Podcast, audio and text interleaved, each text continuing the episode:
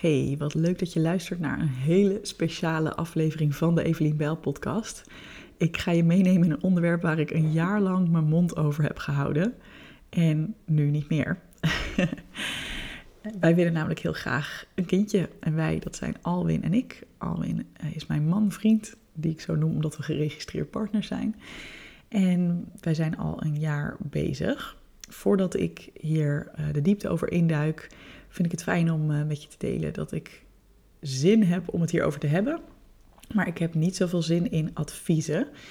Uh, en zeker niet als het gaat over voeding. Ik ben wel heel erg benieuwd naar hoe jij deze podcast vindt en wat je hiervan, uh, ja, wat je hiervan meeneemt of of je dingen herkent. Dat vind ik heel interessant. Dus dat mag je altijd laten weten op Instagram. En ik wil ook iets heel speciaals creëren voor de mensen die wat meer de diepte in willen. Um, ik heb het afgelopen jaar ook allemaal stiekem podcasts opgenomen over allerlei onderwerpen rondom zwanger proberen te worden. En die ga ik op een besloten manier met je delen. Um, dat het me niet echt uh, nuttig lijkt op dit businessplatform. lijkt me een beetje afleiden van de rest van de boodschap. Um, dus aan het eind van deze podcast ga ik er wat over vertellen hoe je daar toegang toe kan krijgen. En dat staat natuurlijk ook in de show notes. Dus als je nu al denkt, ah, wat dan? Hoe kom ik daarbij? Dan uh, zal je alvast in de show notes kunnen zien hoe dat werkt. Oké, het is nu 5 december, 9 uur 27 en we gaan om 10 uur de deur uit naar het ziekenhuis omdat we dus al een jaar aan het proberen zijn om een kindje te krijgen en dat nog niet gelukt is. Um, je hebt me hier het afgelopen jaar niet over gehoord en dat is een heel bewuste keuze geweest. Ik heb het daar met Alwin goed over gehad. En ik ben zelf een heel open boek, dus ik had het zelf, um, denk ik, al wel eerder prima gevond, gevonden om daar iets over te vertellen. Maar um, ja, hij vond het zelf prettig om, uh, om dit moment af te wachten. En dat is natuurlijk helemaal goed. Het is natuurlijk een uh, proces van ons samen. En ik vind het gewoon heel fijn dat we het daar goed over gehad hebben. Dat we het eerst ook um, ja, hebben kunnen delen met onze directe omgeving. En ja, die mensen weten het nu al een tijdje. Dus ja, heerlijk om hier open over te kunnen zijn. Want ik merk dat ik ook dingen heel goed juist verwerk door erover te praten en door het te kunnen delen met een ander. Dat het ook, ook in moeilijke tijden voor mij een manier is om zelf ergens betekenis aan te geven. Dus ik vind het natuurlijk niet leuk dat het nog niet is gelukt om een kindje te krijgen. Maar hoe mooi als ik misschien één iemand een hart onder de riem kan steken die door hetzelfde heen gaat. Of, ja, of iemand misschien iets kan bijbrengen die hier nog niet zoveel vanaf weet. Um, ja, dat, dat vind ik gewoon heel fijn. Dan heeft het toch een beetje zin. Oké, ik neem je even mee in onze hele reis. Ik leerde Alwin kennen in augustus vorig jaar, dus augustus 2022. En ik heb in december al mijn spiraal eruit laten halen. Dus dat was na vier maanden dat wij elkaar kenden. Dat is natuurlijk bizar snel. Maar er waren een paar redenen voor. Ten eerste heb ik veel minder eitjes dan andere mensen van mijn leeftijd. Ehm, en daar was ik achter gekomen in mei 2021, dus een jaar eerder. En toen zat ik in een relatie van, ik zeg trouwens mei, ik ben helemaal niet zo goed in maanden, maar volgens mij was het mei. ik zat toen in een relatie van uh, zes jaar. En ik wilde toen mijn vruchtbaarheid testen, omdat ik dacht, hmm, uh, hoe zit het er eigenlijk mee? We waren nog helemaal niet aan het beginnen, hoe zeg je dat, aan het proberen om kinderen te krijgen. Maar ik wist wel dat ik ze wilde en mijn toenmalige vriend wist dat nog niet zeker. Dus ik dacht, laat ik een test doen om in ieder geval te weten van, oh, hebben we nog alle tijd van de wereld? Of moeten we misschien een beetje opschieten? Um, dat is een test trouwens die nu niet meer verkrijgbaar is in Nederland. Dus ik kan het wel noemen, het heette de griptest, maar het is helaas nu niet meer verkrijgbaar. Ik zal je wel even verwijzen naar Kimiko Kleiman. Dat is een arts hier in Nederland die mij heeft begeleid ook in uh, het traject wat ik daarna ben opgestart. Uh, om hier duidelijkheid over te krijgen. Um, zij denkt erover om misschien consults aan te gaan bieden voor vrouwen die ook vragen hebben over hun vruchtbaarheid, ook als ze nog niet bezig zijn. Zij is eigenlijk een arts die mensen online begeleidt als ze echt al bezig zijn om zwanger te worden, met wat extra ondersteuning dan wat je in het ziekenhuis krijgt. Uh, zij heeft het vol vertrouwen vruchtbaar traject, maar zij um, denkt er dus ook over om hier iets mee te doen. Dus ik zal in ieder geval haar um, gegevens even ook linken hieronder, zodat je contact met haar kan zoeken als je hier vragen over hebt voor je eigen vruchtbaarheid. Goed, ik had dus die, die, test gedaan. Ik wist, ik heb veel minder eitjes dan iemand anders van mijn leeftijd. Dat hoeft niet te betekenen dat ik minder kans heb om zwanger te worden. Maar het kan wel betekenen dat ik eerder in de overgang kom dan andere mensen van mijn leeftijd. Um, dus dat was één reden dat wij snel tot actie overgingen. De tweede reden is dat we allebei echt wel een actieve kinderwens hebben. En we wilden ook niet achteraf het idee hebben van, oh, hadden we maar eerder stappen gezet. We wilden gewoon, ja, we waren er gewoon eigenlijk best wel over uit van, ja, we willen dit gewoon heel graag en laten we het gewoon gaan proberen. En het kan ook best wel even duren voordat de hormonen van die spiraal uitgewerkt zijn. Het kan ook wel meteen raak zijn hoor, dus dit is geen uh, anticonceptieadvies. Als je geen kinderen wel wil en je spiraal is eruit, gewoon lekker veilig doen. Ehm, maar ja, het kan even duren voor je lijf weer helemaal de draad te pakken heeft. Dus ja, we vonden het gewoon een heel fijn idee. Het voelde gewoon goed. We gingen ook al richting samenwonen en zo. Dus we dachten, ja, we gaan er gewoon voor. En het was een hele leuke en bijzondere dag. En ja, die tijd sowieso, weet je, ik had ook helemaal zo'n idee dat ik super vruchtbaar zou zijn. Ehm, want mijn moeder werd bijvoorbeeld zwanger toen het eigenlijk helemaal niet kon, in een bepaalde periode van de maand blijkbaar. En terwijl mijn vader in een vorig huwelijk een test had gedaan en minder vruchtbaar zou zijn. Dus hij had in zijn vorige huwelijk, was het niet gelukt om kinderen te krijgen. Ehm, ja, dus ze hadden er iets minder rekening mee gehouden in hun prille relatie. Maar bam, het was gewoon raak. en ja, ik heb dat idee ook altijd zelf gewoon gehad. Misschien ook door hoe ik gebouwd ben. Ik heb best wel een vrouwelijk lichaam. Ja, slaat natuurlijk helemaal nergens op met al die ideeën. Maar zo zie je maar hoe je kan denken.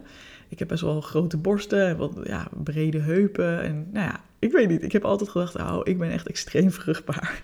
Dus ook toen ik die testuitslag al kreeg um, in 2021 was dat echt al een soort shock. Want ik was er gewoon helemaal van uitgegaan dat ik op alle gebieden helemaal extreem uh, positief zou scoren. En dat ik dus nog jaren de tijd zou hebben om de keuze af te wachten. Maar dat was dus niet. um, maar goed, mijn spiraal ging eruit en ik had alsnog wel zoiets van, ja, dit gaat wel, uh, dit gaat wel leuk worden. Uh, spannend. En die huisarts zei nog wel van, joh, en niet meteen in zak en as zitten als het niet meteen raak is. Want ja, het is gewoon een numbers game. Ongeveer 25% is zwanger na drie maanden. Ongeveer 50% is zwanger na een half jaar. En ik dacht iets van 75% na een jaar of zo. Ik weet niet, de rest heb ik al niet meer zo goed opgeslagen.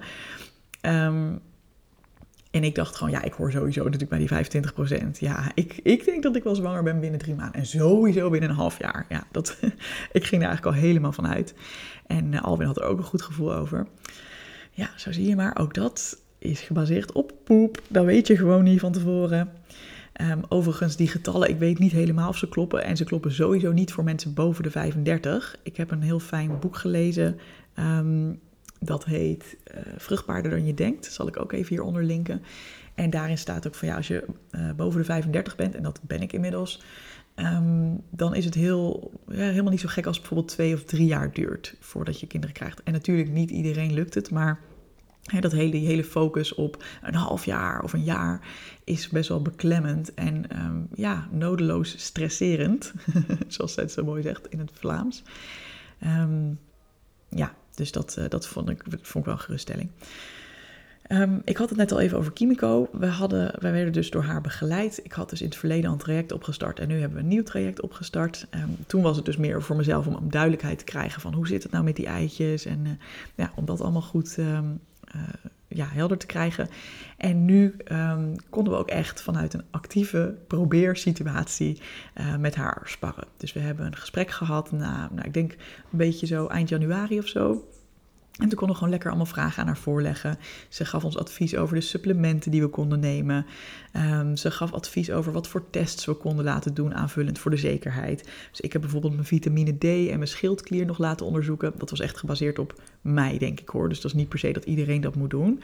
Uh, dat was allemaal goed. Alwin heeft voor de zekerheid een zaadtest gedaan. Dat was ook allemaal goed. Dat kun je trouwens ook uh, gewoon thuis doen. Je kunt gewoon een online test bestellen. Maar hij heeft nu uh, ook een, een officiële test gedaan destijds. Um, echt via de huisarts. Um, ja, was allemaal goed. Gewoon dat je zeker weet dat je niet voor, uh, voor niks aan het proberen bent, zeg maar. Dat vonden we wel heel fijn. Uh, en ze gaf ons ook advies um, richting het ziekenhuis. We hebben bijvoorbeeld al na een half jaar gesprek gehad bij twee ziekenhuizen. Daar vertel ik zo over. En dat was ook wel een beetje met haar hulp van hoe we dat zou, zouden kunnen insteken en voor elkaar zouden kunnen krijgen. Want ja, dat is eigenlijk een beetje tegen protocol in, zeg maar. Um, nogmaals, dat zou ik helemaal niet iedereen aanraden. Maar omdat ik wat minder eitjes heb, ja, hadden wij zoiets van: oh, laten we in ieder geval kijken of dat kan. Maar het belangrijkste punt dat ik eigenlijk dankzij Kimiko heb gekregen is heel veel vertrouwen. Um, in dat ik niet mijn hele leven overhoop hoef te gooien. Dus um, je leest natuurlijk allerlei dingen over die je anders zou moeten doen. Bijvoorbeeld, als je zwanger bent, moet je eigenlijk niet in warm water zitten in een bad. En zeker niet naar de sauna. Dus ik was eigenlijk al van plan om dat ja, voor de zekerheid ook maar niet te doen. En ik was toen in januari best wel gestrest, weet ik nog. Want we waren net verhuisd. En het was gewoon echt, het was best wel veel allemaal geweest. En we hadden eigenlijk onwijs veel zin om naar de sauna te gaan. En dat vertelde we aan haar en dat checkte ook even van ja, dat is niet zo slim toch? Zei ze, oh mensen, alsjeblieft, ga lekker naar die sauna. Ehm, stress is eigenlijk ja, helemaal niet zo goed voor je lijf. Zeker ook niet als je zwanger wil worden. Dus alles wat je kan doen om lekker ontspannen te zijn, lekker doen. Dus ook als je een keertje een wijntje wil drinken, gewoon doen. Ehm, ik ben trouwens helemaal niet zo van de alcohol. Dus voor mij zijn het andere dingen die ik heel uh, fijn vind. Maar ik vond het gewoon een heel fijn idee van, oh, lekker, we hoeven ons leven niet on hold te zetten. Want ze zei ook van, ja, je weet gewoon niet hoe lang het gaat duren als je zelf al die tijd alles ontzegt waar je blij van wordt. Ja, dat geeft ook stress. En dan, ja, dan, dan beleef je die periode als een hele vervelende periode, terwijl het ook een hele mooie en bijzondere periode kan zijn. Dus wij zijn direct na dat eerste gesprek met z'n tweetjes lekker naar de sauna gegaan. Het was echt zo ontzettend fijn. Ehm, ja, en zo zijn we verder gegaan. Um, ik deel zo nog altijd over hoe de emoties veranderd zijn door dit hele traject heen. Maar om even het medische stukje af te maken. Ik zei het net al even, na een half jaar hebben we al met twee ziekenhuizen een gesprek gehad. Um, nogmaals, puur vanuit onze situatie, omdat we uh, omdat ik dus die lagere AMH-score heb, dat is die, dat hormoon dat samenhangt met hoeveel eitjes je hebt. Um, eigenlijk hadden beide ziekenhuizen wel zoiets van, nou, eigenlijk doen we dit niet hoor. Dit is eigenlijk heel uitzonderlijk. Um, maar wij vonden het wel heel fijn dat we toch alvast een gesprek konden hebben. En wat ook wel fijn was, is dat beide ziekenhuizen hetzelfde zeiden. Namelijk, er zijn eigenlijk drie dingen waar ze verder op ingingen. Namelijk hoe regelmatig mijn cyclus was. Nou, die is eigenlijk best wel regelmatig. Ik heb een cyclus van 26 dagen. Dat varieert tussen de 23 en de 29 dagen. Uh, mijn ijsprong is gemiddeld op dag 14, varieert tussen dag 12 en 16. Dat weet ik omdat ik ovulatietest doe. Um, en de tweede helft van mijn cyclus is gemiddeld 12 dagen. En dat varieert tussen de 11 en de 14 dagen. Um, en vooral die tweede helft is wel belangrijk als die heel kort is. Dus volgens mij korter dan 10 dagen. Dan um, zou er te weinig tijd kunnen zijn voor een innesteling. Dus dat kan een reden zijn om ja, misschien iets met hormonen te gaan doen. Um, en ook als het heel onregelmatig is, je cyclus, dan is het natuurlijk ook gewoon moeilijker om te mikken. Je hebt natuurlijk mensen die bijvoorbeeld PCOS hebben of een andere afwijking of hormoonstoornis. Uh, met daardoor bijvoorbeeld een hele lange cyclus of heel onvoorspelbaar. Ja, dan is het ook veel moeilijker om te mikken van waar zijn je vruchtbare dagen, weet je wel. Dus dat, zijn, dat is gewoon iets belangrijks uh, om te weten. En het kan ook een indicatie zijn van dat de hormonen in je lijf niet helemaal lekker kloppen. En dat kan natuurlijk ook invloed hebben op je vruchtbaarheid. Um, ik ben nogmaals, ik ben geen arts. Dat had ik misschien nog even moeten zeggen aan het begin. Dat weet je wel. Maar ik ben geen arts. Ik kan geen advies geven. Dus stel mij niet je vragen. Stel die vooral aan Kimiko. Als je die hebt. Um, nou, dus de eerste factor was goed dat mijn cyclus regelmatig is. De tweede factor was goed dat het zaad van Alwin goed was. En uh, de derde grote factor van, waardoor je onvruchtbaar kan zijn, is als je een dichte eierstok zou hebben. Nou, dat kan bijvoorbeeld als je in het verleden chlamydia hebt gehad. En in die test die ik toen uh, had gedaan vorig jaar, zat ook een chlamydia marker test. Dus daarmee kunnen ze zien van, ja, is het aannemelijk dat jij chlamydia hebt gehad ooit? Nou, die was bij mij negatief, dus dat is heel goed. Uh, plus een ander iets kan zijn uh, dat je endometriose hebt. Uh, dat is volgens mij verklevingen in de, in de buikholte. Daardoor kan ook je eierstok dicht komen te zitten. En hoe je dat zou kunnen merken is als je echt extreme pijn hebt rondom de menstruatie. Nou, dat heb ik niet. Ik heb wel pijn, maar gewoon manageable, zeg maar. Um, dus ze zeiden eigenlijk allebei, die artsen zeiden van, nou, dan is er op dit moment eigenlijk geen reden om aan te nemen dat jullie niet natuurlijk zwanger zouden kunnen worden. Dus blijf het gewoon nog een half jaar proberen. En uh, als het na een jaar nog niet gelukt is, dan kunnen we volgende stappen gaan zetten. Dus na in totaal een jaar. En dat vonden we eigenlijk heel fijn. Dat klinkt misschien alsof je met een kluitje driet in wordt gestuurd, maar nogmaals, um, ja, eigenlijk het, een medisch traject is helemaal niet een garantie dat je daardoor wel zwanger wordt.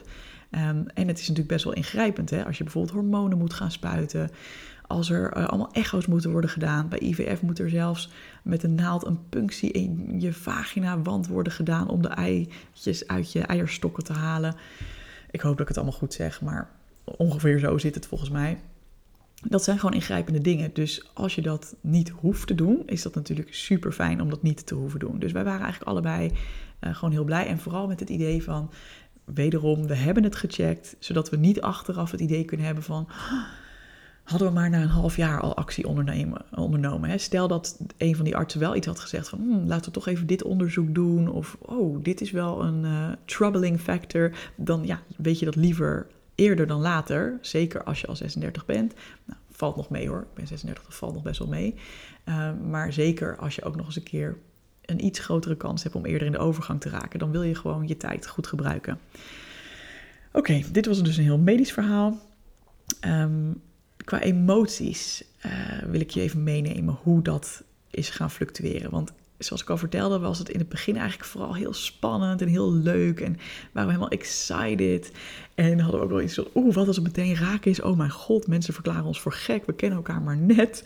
Tegelijkertijd, ja, vonden we het wel ook heel erg leuk en ja, hadden we er wel heel veel zin in.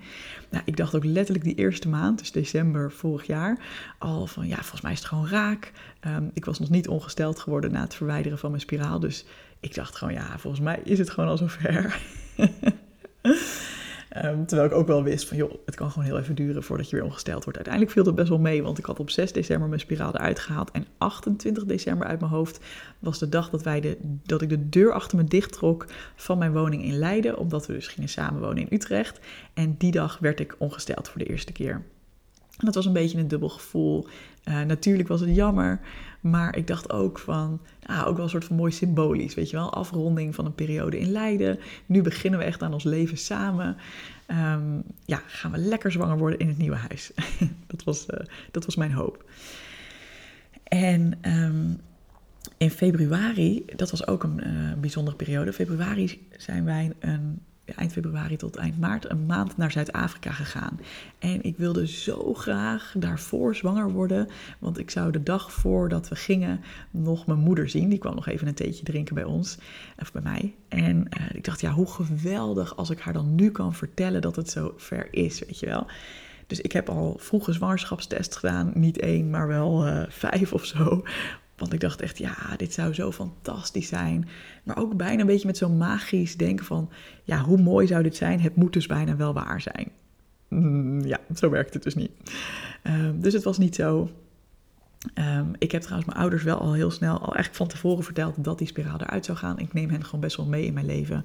Um, en uh, ja, dus zij wisten al wel dat we daarmee bezig waren. En we hadden gewoon de afspraak gemaakt. Je vraagt er in principe niet naar. Ik vertel er wel over als ik er iets over wil vertellen. Want het laatste wat ik wil, dat is ook even een disclaimer. Het laatste wat ik wil is dat iemand aan mij vraagt: En is het al raak? Hoe gaat het er nu mee? Ja, soms wil je er helemaal niet over praten. Dus dan is het heel fijn als je er gewoon zelf over kan beginnen. Nou goed, we gingen op reis en uh, nou, natuurlijk, hè, mijn cyclus is niet zo heel lang. Dus ergens uh, ja, kwam weer de gelegenheid dat we dachten van, oh nou, misschien is het dan nu wel raak. En ja, ik, ik voelde het ook weer helemaal en Alwin voelde het ook. Het was zo mooi en zo gezellig en zo fijn allemaal samen.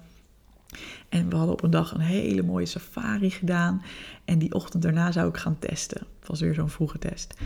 En ik geloofde gewoon echt van ja, dit, dit is gewoon het moment. Weet je, dit, dit zou heel goed het moment kunnen zijn dat ik twee streepjes ga zien, dat ons hele leven verandert. Wat een prachtige manier om deze reis te bekronen en om dan nog even samen met z'n tweetjes te kunnen genieten van dit geweldige nieuws en het daarna aan iedereen te kunnen vertellen die dicht bij ons staat. Uh, maar ja, dat was dus niet raak. Uh, daar was ik wel echt heel verdrietig over. En dit is ook even om te illustreren waarom ik er zo'n bloedhekel aan heb als mensen zeggen, dingen zeggen als je moet gewoon positief denken. Believe you me, als er iemand was die positief dacht, dan was ik het. Ik was er gewoon van overtuigd. Ik was ervan overtuigd. Ik ben hartstikke vruchtbaar. Ik ben nu al zwanger. En once again, zo werkt de wereld niet. En iets wat ik misschien nog wel bijna erger vind, is je moet het gewoon loslaten. Ik heb echt vreselijke ruzie gehad later met iemand in mijn directe omgeving, omdat diegene mij, ja, eigenlijk gewoon het, niet oké vond dat ik verdrietig was dat het nog niet lukte. dat ik angsten had over of het zou gaan lukken. Ehm, en diegene zei inderdaad zoiets van, joh, ehm, ik zou er gewoon wat relaxter in staan of zo. Of ik zou het, ja, ik zou het wat meer loslaten. Ik weet niet eens precies wat diegene heeft gezegd, maar nou, daar heb ik echt vreselijke ruzie om gehad. Want ik snap dat iemand je gunt, hè, als ze zien dat je ergens mee worstelt. Ik snap dat iemand je gunt dat je het los zou kunnen laten. Ik snap dat iemand je gunt dat je er niet zo mee hoeft te zitten. Maar nog nooit heeft iemand in de geschiedenis van de mensheid ook maar iets eerder losgelaten, doordat een ander mens tegen diegene zei: Je moet het gewoon loslaten. Het enige wat je daarmee doet, is dat je de ander het gevoel geeft: Jouw emoties mogen er niet zijn. Je stelt je aan. Je moet het anders doen. Het is echt, je doet iemand geweld aan. Dus als jij ooit tegen iemand hebt gezegd: Je moet het loslaten. No. No, no, no. Ga nu naar diegene toe. En bied je excuses aan. Want dat is echt een van de ergste dingen die je tegen iemand kan zeggen. Vind ik echt. Ik ben echt heel boos op hoe dat toen is gegaan ook.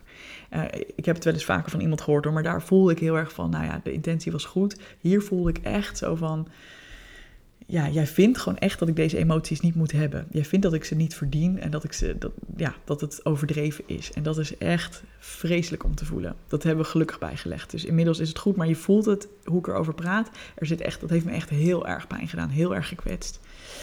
Oeh, het raakt me gewoon een beetje zelfs. Um, ja. Oeh. Ja, en nou ja, naarmate de maanden voortstreken kreeg ik eigenlijk steeds minder vertrouwen in dat het zou gaan lukken. En het wisselde een beetje hoe ik me voelde per cyclus. De ene keer was ik echt super verdrietig. Ik heb een keertje, ik weet nog, de verjaardag van mijn moeder in de zomer gehad. En ja, was ik net die ochtend ongesteld geworden. En ja, er zat er een, een, kringetje met mensen naar mij te kijken van, oh, en hoe is het met jou en hoe voel jij je? En dan gingen ze allemaal vragen aan me stellen. En ik ben, ik zei, ja, ik vind het eigenlijk niet zo prettig. En ik ben naar boven gelopen en ik heb daar keihard gejankt. Die mensen konden er ook niks aan doen, want die wisten helemaal niet dat dit er aan de hand was. Um, maar ik, ja, je voelt je zo kwetsbaar, zo exposed op zo'n moment. En andere maanden, andere cycli heb ik gehad dat ik dacht, oh, um, nou ja, het is niet zo. En dat ik er misschien even om moest huilen of ja, dat ik er even van baalde en dan ook wel weer verder kon. Dus het is, het is gewoon, het gaat op en neer, dat gevoel. En nu staan we dus op het punt om deze reis medisch voor te gaan zetten. En ja, ik heb daar best wel gemengde gevoelens over. Um, enerzijds, ja, het is ten eerste geen wondermiddel. Dus de kans, ik zei het al, op een zwangerschap tijdens een cyclus met IUI, dus dat is dat er zaad naar binnen wordt gebracht. Uh, en IVF, dat is uh, dat er echt een eitje uit jou wordt gehaald en buiten de baarmoeder wordt bevrucht en dan weer teruggeplaatst wordt, is net zo hoog als gewoon proberen. Ongeveer, grofweg. Ik heb dat dus uit dat boek waar ik het net over had. Maar ja, we krijgen vast ook wat extra onderzoeken en ik ben toch wel benieuwd wat dat oplevert. Ik vind het wel spannend. Waar ik eigenlijk nog het bangst voor ben, is pijn ongemak en niet serieus genomen worden door de medische community. dat zijn echt mijn angsten, omdat ik daar gewoon ja, wel dingen over heb gelezen ook, hoe serieus vrouwen genomen worden. En waar ik ook geen zin in heb is, uh, ja, gewoon, ik, ik ben al een paar keer niet zo aardig te woord gestaan door bijvoorbeeld een uh, huisartsassistent. In Leiden was dat. Die was echt heel onaardig toen ik vertelde van ik heb zo'n test laten doen, ik heb minder eitjes, ik maak me best wel zorgen, dus ik zou heel graag een afspraak willen maken om vervolgonderzoek te doen. En dat iemand echt gewoon zei van ja, we kunnen je over een week wel even terugbellen. En uh, joh, in een week gaan die eitjes echt niet allemaal verouderen hoor. Echt zo'n zo'n nare opmerking dat je denkt, geen enkele empathie voor mijn gevoelens, weet je wel. nou ja, en ik heb ook wel wat onderzoeken gelezen over hoe er met vrouwengezondheid omgegaan wordt, dat is gewoon niet fantastisch, altijd. Ik wil niet zeggen dat het altijd zo is, maar ja, vrouwen worden toch vaak gezien als hysterisch, als aanstellers. En ik ben gewoon een heel gevoelig mens, dus ik heb snel pijn. Ik vind snel dingen niet fijn die er lichamelijk met me gebeuren. Ik had laatst nog een, uh, hoe noem je dat, uh, behandeling bij de mondhygiëniste. Ja, dat vind ik gewoon pijnlijk. Ik vond het niet leuk en ik heb zitten janken in die stoel. En dat komt ook een beetje hierdoor omdat ik denk, ja, er gebeurt gewoon iets eigenlijk tegen jouw wil in. um, je bent helemaal overgeleverd aan wat die ander met jou doet en met jouw lichaam. En dat vind ik gewoon niet zo prettig. En tegelijkertijd denk ik ook, wat een genot, wat een geluk dat ik leef in een land waar dit kan. En waar er ook nog eens een keer vergoedingen voor zijn. Dus dat je niet alles zelf hoeft te betalen. Dat is natuurlijk een, een godswonder. Dat is een enorm geschenk. En dat er mensen zijn die gewoon hele goede opleiding hiervoor hebben gevolgd. En ik ga er gewoon voor dat ik zelf sta voor wat ik wel en wat ik niet wil. En dat ik um, dat ook ga uitdragen. En ook aangeef als ik dingen pijnlijk vind. En ja, ik, ik zorg er gewoon voor dat ik serieus genomen word. En als ik me bijvoorbeeld in het ziekenhuis waar we nu heen gaan niet serieus genomen voel, dan uh, gaan we naar een ander ziekenhuis of dan stoppen we.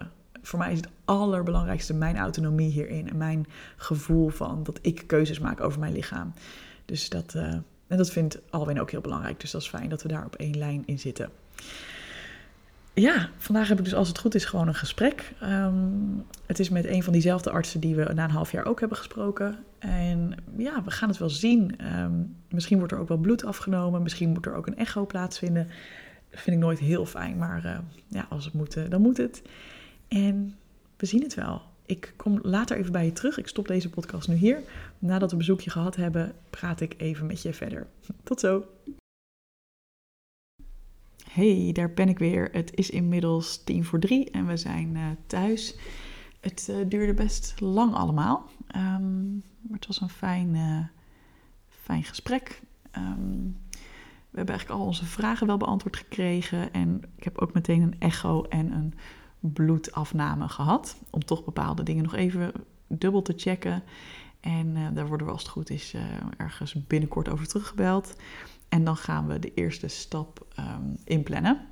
En dat is een HSG-onderzoek. En dat betekent dat ze um, je eileiders gaan doorspuiten met een contrastvloeistof. Super fijn. Om goed te kunnen kijken of die eileiders niet dicht zitten. Um, dat zal niet meer deze cyclus lukken, want ja, dat moet op een bepaald punt in je cyclus, zeg maar. En we zijn volgende week op vakantie, dus uh, dat redden we niet. Um, dus zal de volgende cyclus worden ergens begin januari waarschijnlijk. Um, het was dus een prettig gesprek. Um, wat ik fijn vond om te horen is: ja, er is eigenlijk geen reden om aan te nemen dat jullie niet zelf zwanger zouden kunnen worden. Um, en ja, dat ze ook wel heel erg eens was met mijn ideeën over bijvoorbeeld niet te streng zijn rondom eten. En gewoon dat je wel je leven moet kunnen leiden. Uh, ze zei ook van hou alsjeblieft nu nog niet allerlei rekening met wanneer je vakanties plant en dat soort dingen. We plannen daar gewoon omheen. En we kijken gewoon per cyclus en per ding wat we gaan doen kijken we gewoon um, ja, wanneer we uh, tijd van jullie nodig hebben, zeg maar. Dus dat vond ik heel fijn.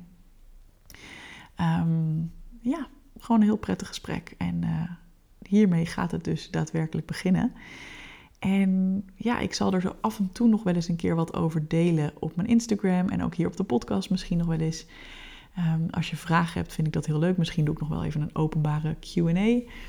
Um, op een van beide platforms. Dus uh, hou mijn Instagram in de gaten, want dan zal ik het daar vragen. En ja, maar het grootste deel wil ik eigenlijk gewoon weg van deze podcast en weg van mijn Instagram doen. Omdat ik denk van ja, niet iedereen zit misschien op deze verhalen te wachten. En uiteindelijk is mijn business natuurlijk gewoon om coaches te helpen en om mensen die misschien coach willen worden te helpen, om dat op een fijne manier te doen. Um, dus daar zal gewoon deze podcast met name over blijven gaan. En natuurlijk ook af en toe wel wat persoonlijke dingen hoor. Uh, en Instagram net zo. Maar als je echt denkt van, oh, ik ben wel benieuwd naar wat meer behind the scenes, dan heb ik een geheime soort van community aangemaakt waar je gratis in mag. Ik heb erover nagedacht van, wil ik daar geld voor vragen of niet? Het zou een laag bedrag zijn als ik het zou doen, maar voor nu heb ik besloten dat het gratis is. Ik behoud me het recht voor om in de toekomst daar een bedrag voor te vragen. Um, en daar kun je bij door je aan te melden op evelienbijl.nl slash kinderwens.